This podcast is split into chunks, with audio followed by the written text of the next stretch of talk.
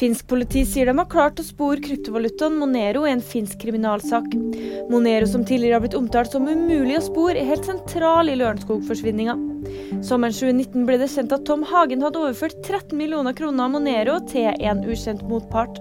Den finske etterforskningslederen sier at sporingsmetoden er veldig hemmelig, men at de er klar for å bistå norsk politi dersom det skulle bli aktuelt.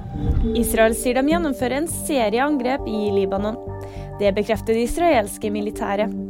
Israels angrep anses å være et svar på Libanons angrep inne i Israel onsdag morgen. En mann kjørte ut på isen på fjorden og fiska ved bilen. Fiskeren på Steinsfjorden i Ringerike ble bøtelagt med 15 000 kroner for ulovlig motorferdsel i utmark. Det skriver Sør-Øst politidistrikt på X.